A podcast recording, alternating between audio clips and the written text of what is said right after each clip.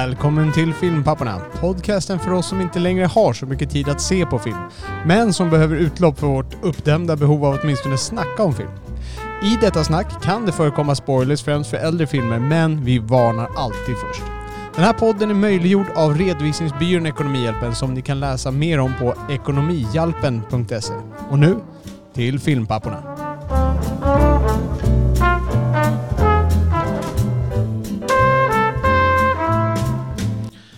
Jag heter Oliver och mitt emot mig sitter Robert.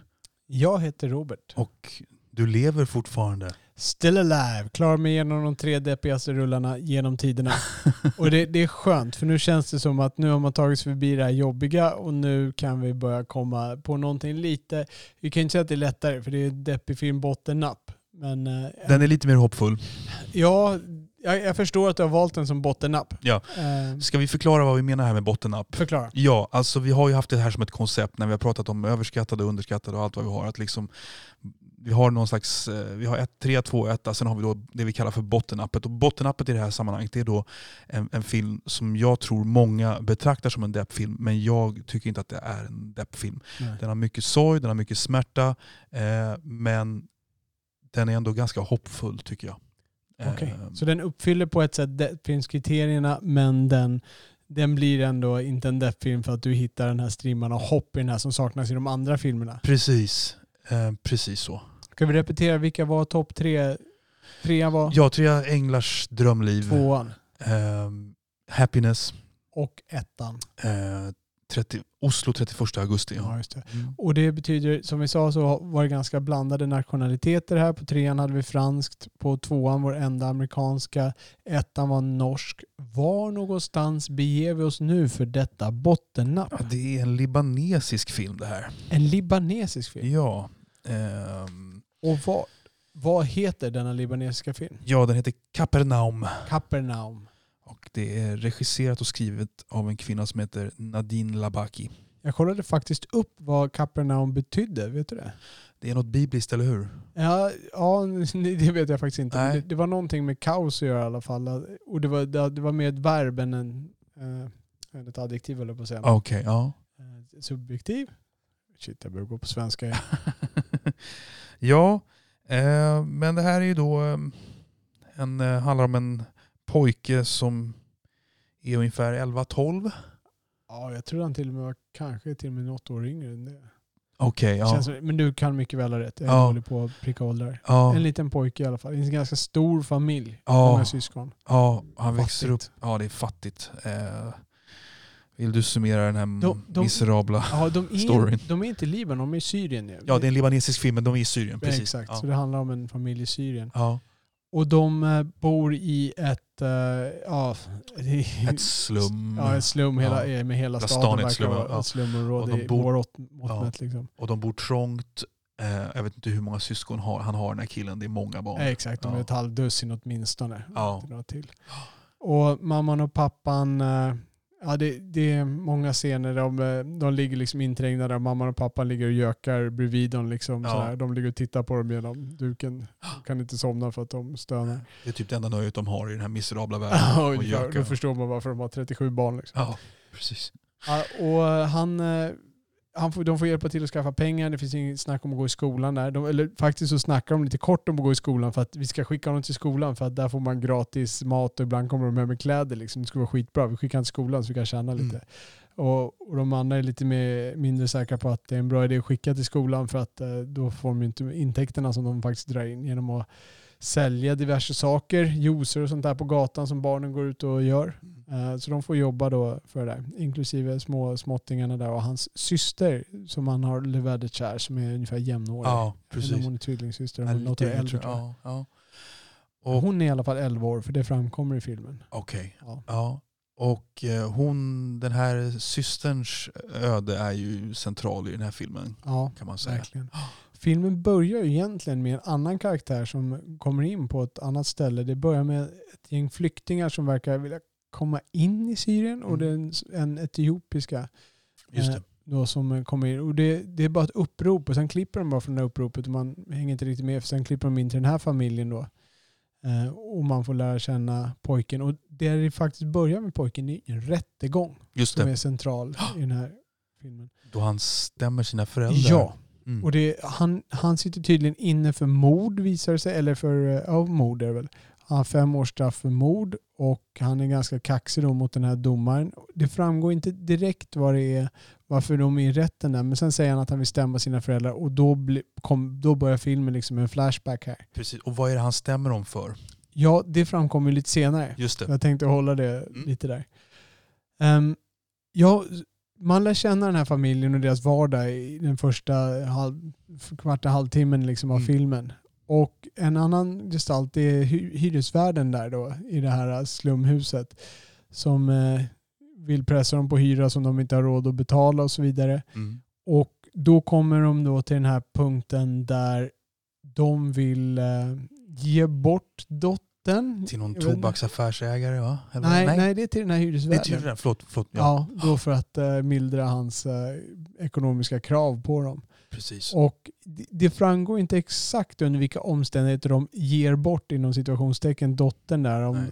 men Men eh, han- hon ska dit och, och jobba tror jag är Ja. epitetet. Och den här Och killen, där. och den här killen då, som heter Zain, Ja, Huvudpersonen. han, motsätter det starkt. ja, han, hade han gör ju sitt bästa. Ja, Ja. han hade precis planerat att de skulle fly. Ja. Han har gått ner till bussen och fixat platser och ska han bara gå upp och hämta henne och då har de precis givit bort henne och tvingat henne att gå och de separerar dem Ja.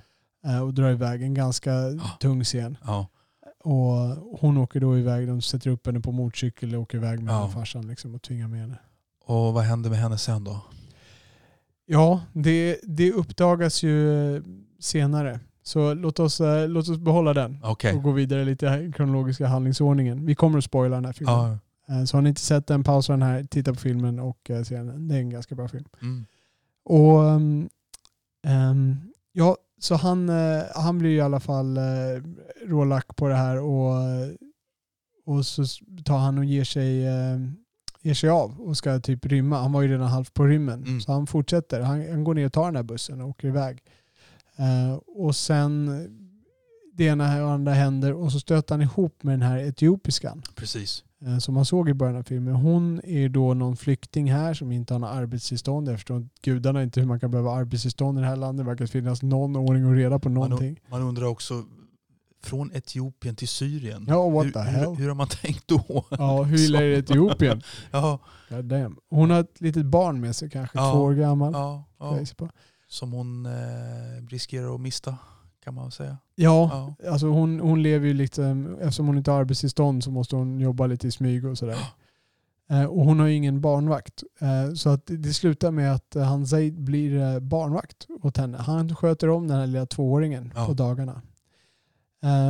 Och då, då blir det faktiskt ett, eh, ett lite glatt liv de Ja. har tillsammans Ja. där. Hon, hon letar upp någon tårta som är halväten och, och de firar en födelsedag för Zaid Ja. fyller två eller vad det är. han har det tryggare än någonsin hos henne. Ja, på något visst. b- Bättre än någonsin. Ända tills hon då åker fast. Ja. Och då är det hon som åker fast då från sin arbetsplats då för att hon inte har arbetstillstånd och åker med en massa sådana här, sätts i bur då med massa andra Mm. i samma situation.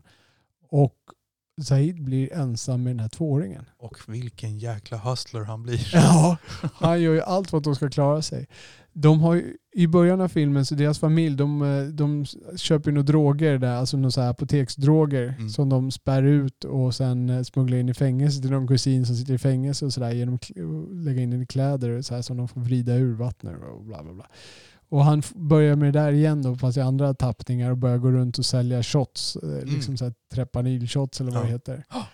Och tjäna in pengar. Och han är snabb i käften. Ja visst, Ja. ja. han, är, han är verkligen snabb i käften.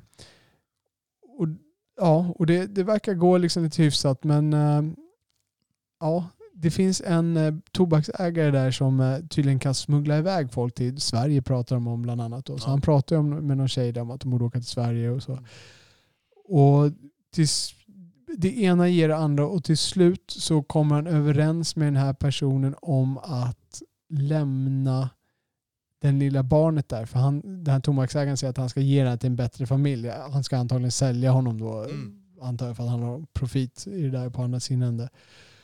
Ehm, så han lämnar bort den här tvååringen ganska motvilligt. Och man, det är också en ganska emotionell scen han, när han släpper den här tvååringen liksom och ska gå därifrån. Han har kämpat så jävla Ja. mycket för den Och, och man ser, han har ju fått någon sorts ansvarskänsla och relation till den här. Ja. Han, han, sliter sig där för han får så mycket pengar. Mm. Ehm, och han eh, får hopp om att då kunna ta sig till annat land. Sen ska han bara gå hem till sitt hem och hämta passet. Just det. Och hans föräldrar är skitsura när han kommer hem för han har varit borta så länge. Ja. Och det är nu det då uppdagas att hans syster har varit på sjukhus och att hans syster är död. Ja. Genom ett samlag med den här äckliga Ja. jävla gubben. Och ja. om jag, Eller är hon gravid? ja, jag tror hon till och med blev gravid och hon är bara 11 år gammal och det, då funkar det inte och hon dog av det.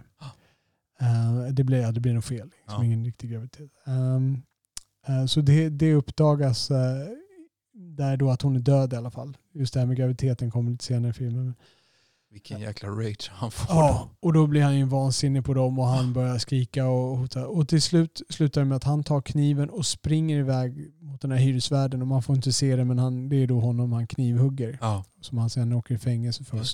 Och då kommer man tillbaks till den här rättegången, eller då kommer man till att han sitter i fängelset, eh, alltså i väntan på, på att bli dömd. Nej, han hamnar i ungdomsfängelset, så är det. Ja, Och från ungdomsfängelset så ringer han in till tv-program som Just just det. handlar om utsatta ungdomar. ja, Och han blir en liten sensation. ja. Det I- blir väldigt mycket Hollywood där. Ja, där blir lite, lite Slumdog Millionaires Ja.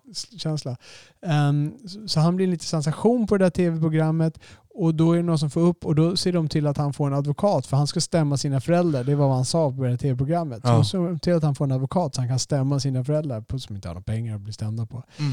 Eh, Så då, då förstår man då varför de hamnat i rätten. Och i rätten får man ju då se den här hyresvärden som rullar in och han är, verkar vara handikappad nu. Om det är tillfälligt eller permanent vet man inte. Man rullar in i en rullstol i alla fall. Och, Mm. och berättar att eh, han inte kunde förstå att 11 år var en dålig ålder att gifta sig. Det hade hans mamma gjort och Ja. sådär. Ja. Och, och tjim och tjo. Och ja, han ska stämma sina föräldrar och det han ska få fram det till är att de, det han ska vinna i målet är inte pengar utan det är att de ska fråntas rättigheten att ha fler barn. Och, och hans mamma är redan gravid med en ny dotter liksom på vägen. Ja.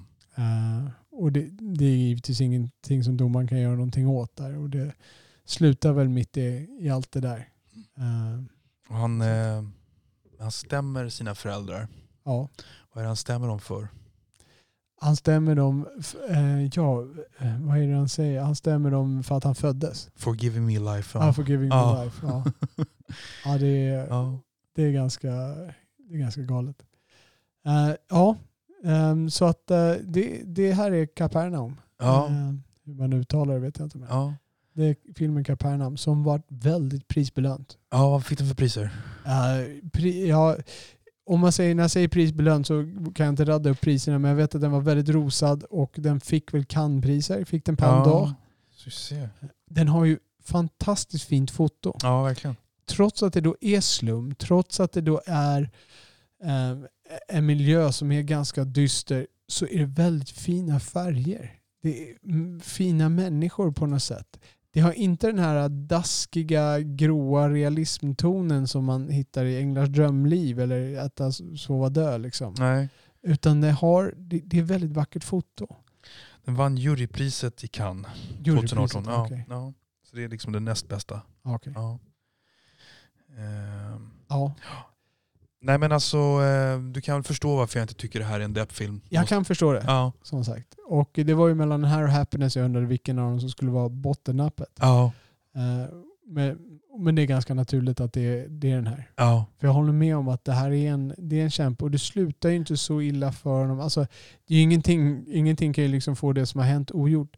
Men det slutar med att hon återfår ju sin, eh, sin son. Just det. Eh, den tvååringen då hittar sin etiopiska mamma. Ja. Och det är många sådana trådar som löser sig ganska, inte riktigt Hollywood-slut, men relativt lyckligt i de här omständigheterna. Men frågan är, är han lite för bra för att vara sant den här killen? Jag tänker, han är ju liksom så här, jag tänker med de flesta killar som drabbas av en sån här uppväxt skulle väl eh, bli lite mindre ädla eller vad man ska säga. Okej, han är lite hustler men han är ju en, han är ju en jädra hjälte ändå på något sätt. Ja, men är, är han så ädel då? Jag menar han, eh, Eller jag vet inte, man tycker ju om honom rakt. Jag tyckte om honom rakt Han, av. han har ju någon sorts empati, han har ju en väldig familjekänsla. Alltså, du Ja. vill tänka på hans syskon, inte på hans föräldrar så mycket uppenbarligen. Nej men syskon och det här Ja. barnet han tar hand om. Ja. Det är liksom, han har ju verkligen en ansvarskänsla där. Han har ju vuxit upp mer som deras pappa än deras pappa eh, har gjort. Liksom. Ja. Och sen då för det här barnet som han, de har ju en väldigt bra tid tillsammans och han lär sig ta hand om det här barnet och, liksom, och de, de tycker om varandra. Barnet blir väldigt lugnt med honom och Mm. litar på honom. Eh, Så han får ju en ansvarskänsla och den ansvarskänslan känns väldigt mycket i den här scenen när han lämnar, eh, säljer barnet, ger bort barnet Ja. eh, liksom, ja, verkligen. tobakshandlaren. Det är en stark scen. Det var Mm. nog den starkaste för min del. Liksom. Um, alltså det, jag, tycker han har en ansvarskänsla men han är ju fortfarande liksom, han är kaxig, han är, han är hustler, han försöker lösa grejer sådär. Han är inte en han är vare sig antihjälte eller hjälte eller någonting. Han är Nej. bara en kille i omständigheter. Liksom. Det är väl ungefär så här hård och hänsynslös man måste vara för att kunna överleva Ja. under omständigheterna. Jag Ja. undrar hur pass representativ den här bilden är för verkligheten i Syrien. Ja. Um, liksom alla saker runt omkring, liksom, eh, kulturen och, och ja, sta- husen. Och, Finns, det någon, finns det någon indikator på vilket år det här är? För det är, liksom, det är ju inte under något inbördeskrig va? nej, filmen är ju från 2018 Ja. och det var väl då det började barka eh, åt skogen rejält. Eller Syrien, eller var det ännu tidigare? ja, det var nog ännu tidigare. Ännu Ja. tidigare, Ja. okej. Jag skulle Ja. säga att det, nej, det, är, det är rejält tidigare. Men man undrar ju nästan om den, är så här, om den utspelar sig 2007 eller någonting. Ja, det skulle kunna vara. Ja. Lite osagt och det känns inte som att det spelar så stor roll eh, Nej. på något sätt. nej. Vart den hamnar i den tiden. Vad, hur kommer du över den här filmen? Var det återigen att du hörde att den var kritikerrosad? Och, Ja, det var det. Eh, jag såg den. Eh, det var många som pratade om den och eh, den gick på, om det var via play eller vilken, så det var liksom bara att slå på den. Ja, men den här den, den vill jag se. Och det var, jag tror jag såg den med Jen- Jenny, min sons eh, mamma. Faktiskt. Ja. Eh, vi såg den och eh, ja, nej, men jag, det, var, det var några människor med bra filmsmak som hade pratat om den. Eh, så enkelt var det. men då, då kunde du, du, den bet tag i dig tydligen och du satt kvar hela filmen där. Ja, Ja. Ehm, det gjorde jag. Jag önskar att jag hade sett den på bio faktiskt. Mm. Ja, samma här. I och med att den var så pass... eh, Alltså fotot i filmen var verkligen alltså yppersta. Det kanske lite ta i, men det var riktigt bra. Ja, Det var fint. Mm. Det, var, det, var, den var, det var en fröjd för ögat att se filmen. Ja. Ehm, Utan att det blir så Hollywood-skimmer över det. ja. Syr, Syrien är, det är inget land jag vet speciellt mycket om. Alltså. Nej. Eh, de är ganska, ganska, var väl ganska sekulariserat. Jag vet jag vågar inte uttala mig egentligen. Nej. Religion spelar inte så stor roll i den här filmen. Nej. Jag kan inte minnas någon hänvisning till det alls. Något, inga, inga bönestunder, ingenting. Liksom, Nej. vare sig islam eller Nej. kristendom. Eller Nej. någonting. Ehm, det här är alltså ehm, den första arabiska film att gå in på IMDBs topp 250. Ja just det, Mm. det läste jag också. Ja. Mm. Det, är, det är lite imponerande. Ja, Ja. tyder på att ganska många sett den. Och, ja. Den spelar ju in en jäkla massa pengar. Ja. Den är för, alltså relativt jäkla massa pengar. Det var, Mm. inte, det var inte Avengers Endgame. Nej, en Eh, bra profit. Ja. Den hade en budget på 4 miljoner om jag minns rätt och hade spelat in 64 miljoner Ja, något sånt där. worldwide. Ja, visst. visst. Vilket ju är imponerande. Det är och verkligen- bra ja. Han, huvudpersonen Zaid, han heter ju tydligen Zaid i verkligheten Just också. det, stämmer. Ja. Ehm, Och att filmen var lite löst baserad på hans eget liv eller någonting stilen. s- oj, det, det Nej, inte, inte. eh, förlåt. Nu säger jag för att den, den är nog inte baserad på hans eget liv. Utan att eh, han kunde se, känna igen sig i karaktären tror jag att jag läste om någonstans. Eller så. Ja, ja. Duktig pojke, duktig skådis. Tycker Ja. jag. Ja. Jag, ty, jag vet inte om jag tycker att han var bäst i filmen. Men det är bra insats överlag. Tydligen var de amatörer allihopa. Ja. Och de ville ha det så, på det sättet. För att just få lite mera äkta, Mm. eh, liksom komma lite närmare. Att Ja. det inte var tränade skådisar. Sånt kan ju funka ibland. Ja. Ja, Ja. ibland funkar Ja. Så då har vi alltså plockat ut det här. Har vi någonting mer att säga om Kapernaum? Jag har faktiskt inte det. Är det en Eh, film du skulle kunna tänka dig se om? Nej, Nej. Det är det faktiskt inte. Alltså den var bra men nej. Är det någon scen som stod ut för dig som, som stark eller? Ja, det är ju den där scenen när, eh, eh, när han får reda på vad som har hänt med dottern och han, Ja. han flyger på den här mannen. Det, Ja. det är väl det. Ha- Hans, eh, hans jäkla rage där. Ja. Eh, ja, men det, det är ju, ap- apropå det här jag säger, liksom att eh, det, här, det, här, det är när, när folk är så här passiva och uppgivna, det är då det är deprimerande. Men den här killen han ger sig ju inte. Liksom. Nej. Han slår tillbaka mot Ja, världen. en jäkla warrior Ja. liksom. Ja, visst. Ja. Han Så- kämpar emot, han är liten och klarar inte av allt men han ger fan allt han har. Ja. Sen vet jag inte vad jag tycker om eh, jag vet inte vad jag tycker om slutet egentligen. Eh, Det, det, det kändes lite för triumfatoriskt. Jag för att de illustrerar med musik och grejer. Det, det blev, det Ja. blev oväntat Hollywood allting faktiskt. Ja. Tyckte jag. Det är väl därför den har gått hem lite grann. Tror att den gick, tycker du att den gick över gränsen och blev liksom lite för Hollywood eller håller den fortfarande som en... Lite, Kultur, lite för Hollywood. Det, det var lite skönt att få det slutet på filmen. Ja. Men sett till liksom filmens helhet så var det lite, lite synd att... att eh, jag vet inte hur man skulle ha rappat upp den hoppfullt. Man hade väl kunnat göra det ändå på något sätt. Det blev li, lite over the top tyckte jag. Tyckte du också det? Eller? Ja, jag vet. I och med att de börjar där egentligen så bygger de ju mot det här på ett ärligt sätt. Ja, Det är inte så att de säljer in det här liksom på slutet bara vänder allting. sant. Ehm, så, så, ja, jag, jag tycker de säljer på ett tillräckligt bra sätt men jag förstår precis vad du menar. Ja. Eh, det hamnar på godkänna sidan hos mig. Men det, det är nära gränsen. Ja. Men det, det förtar inte att jag tycker att det här är en väldigt fin och bra och inspirerande Nej. film faktiskt. Ty, vad, tycker du om fotot eller är det bara jag? Tycker att det är särdeles fint foto i den här filmen? Det var fint det var. Ja. Eh, det. Var I början där när de panorerar, just mellan den här scenen när de har introducerat hon somaliskan då, så, så, så, panar, så har de eh, överblicksvyer på staden där de bor. Ja. Eh, så, som är väldigt, väldigt vackra liksom, om man ser det där uppifrån. Eh, Ja. Det känns som att man sitter och tittar på liksom, Nature Channel eller någonting Mm. sånt där. Ja, Nej, men det var tjusigt. Jag, vet, jag var nog... Eh, jag kan tycka ibland att... Ibland är the action så bra att man inte tittar på, tänker så mycket på fotot. Eller Ja. säga. Ja. Men det var fint då.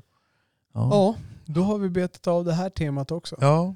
Oliver, vad kan vi ta för tema efter det här?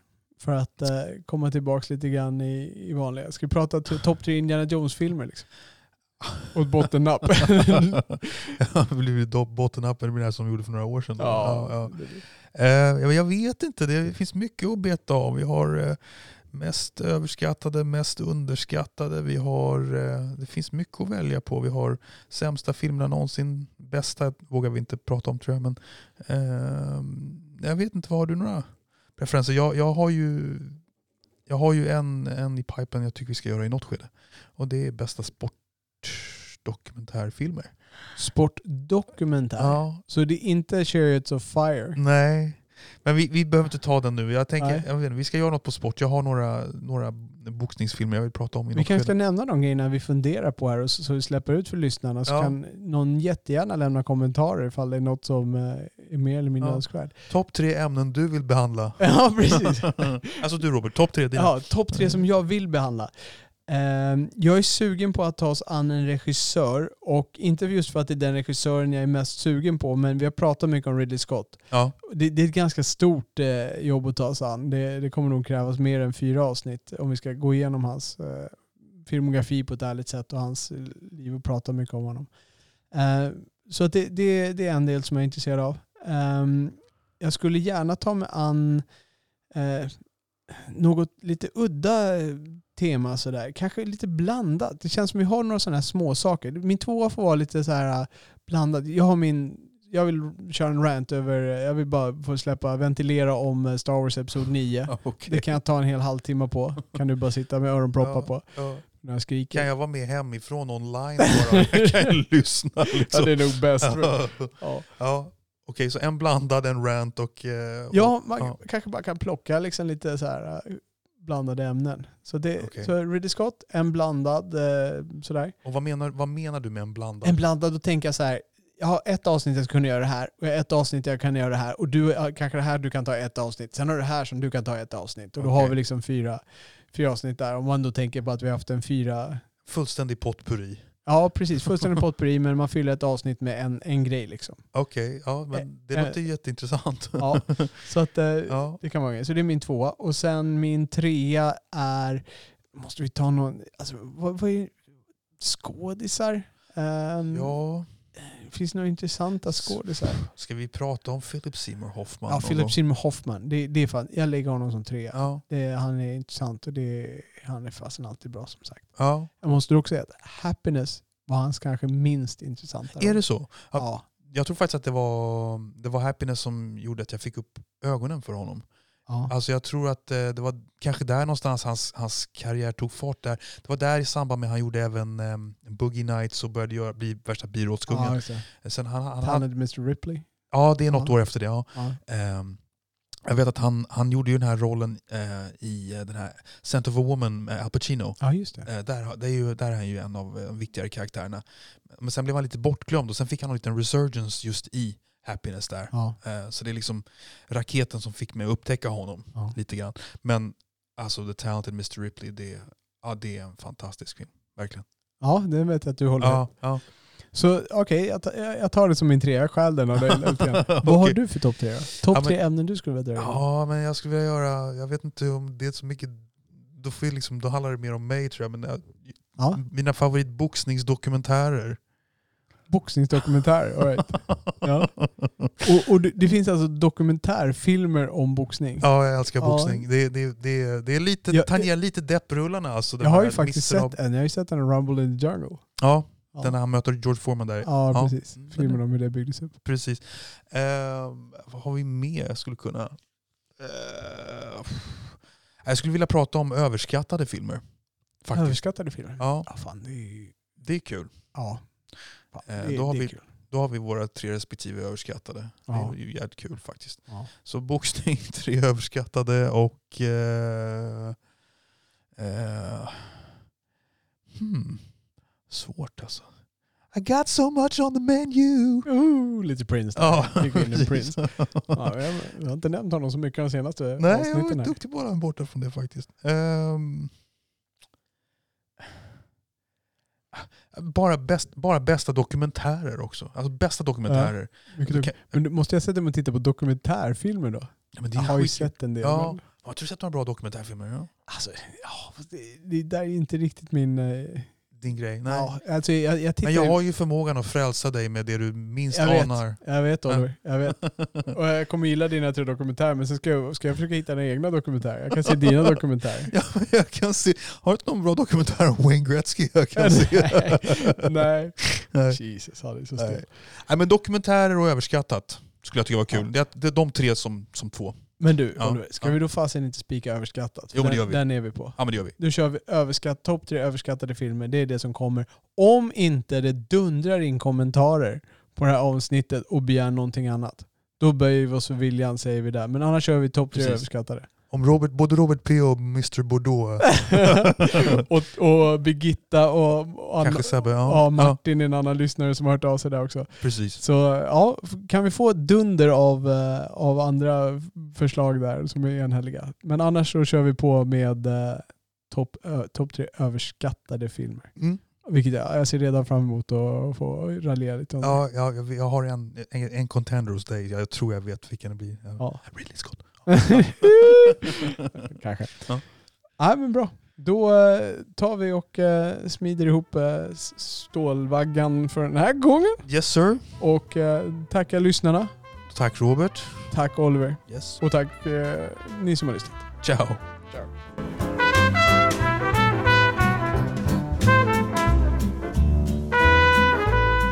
Ni har lyssnat på Film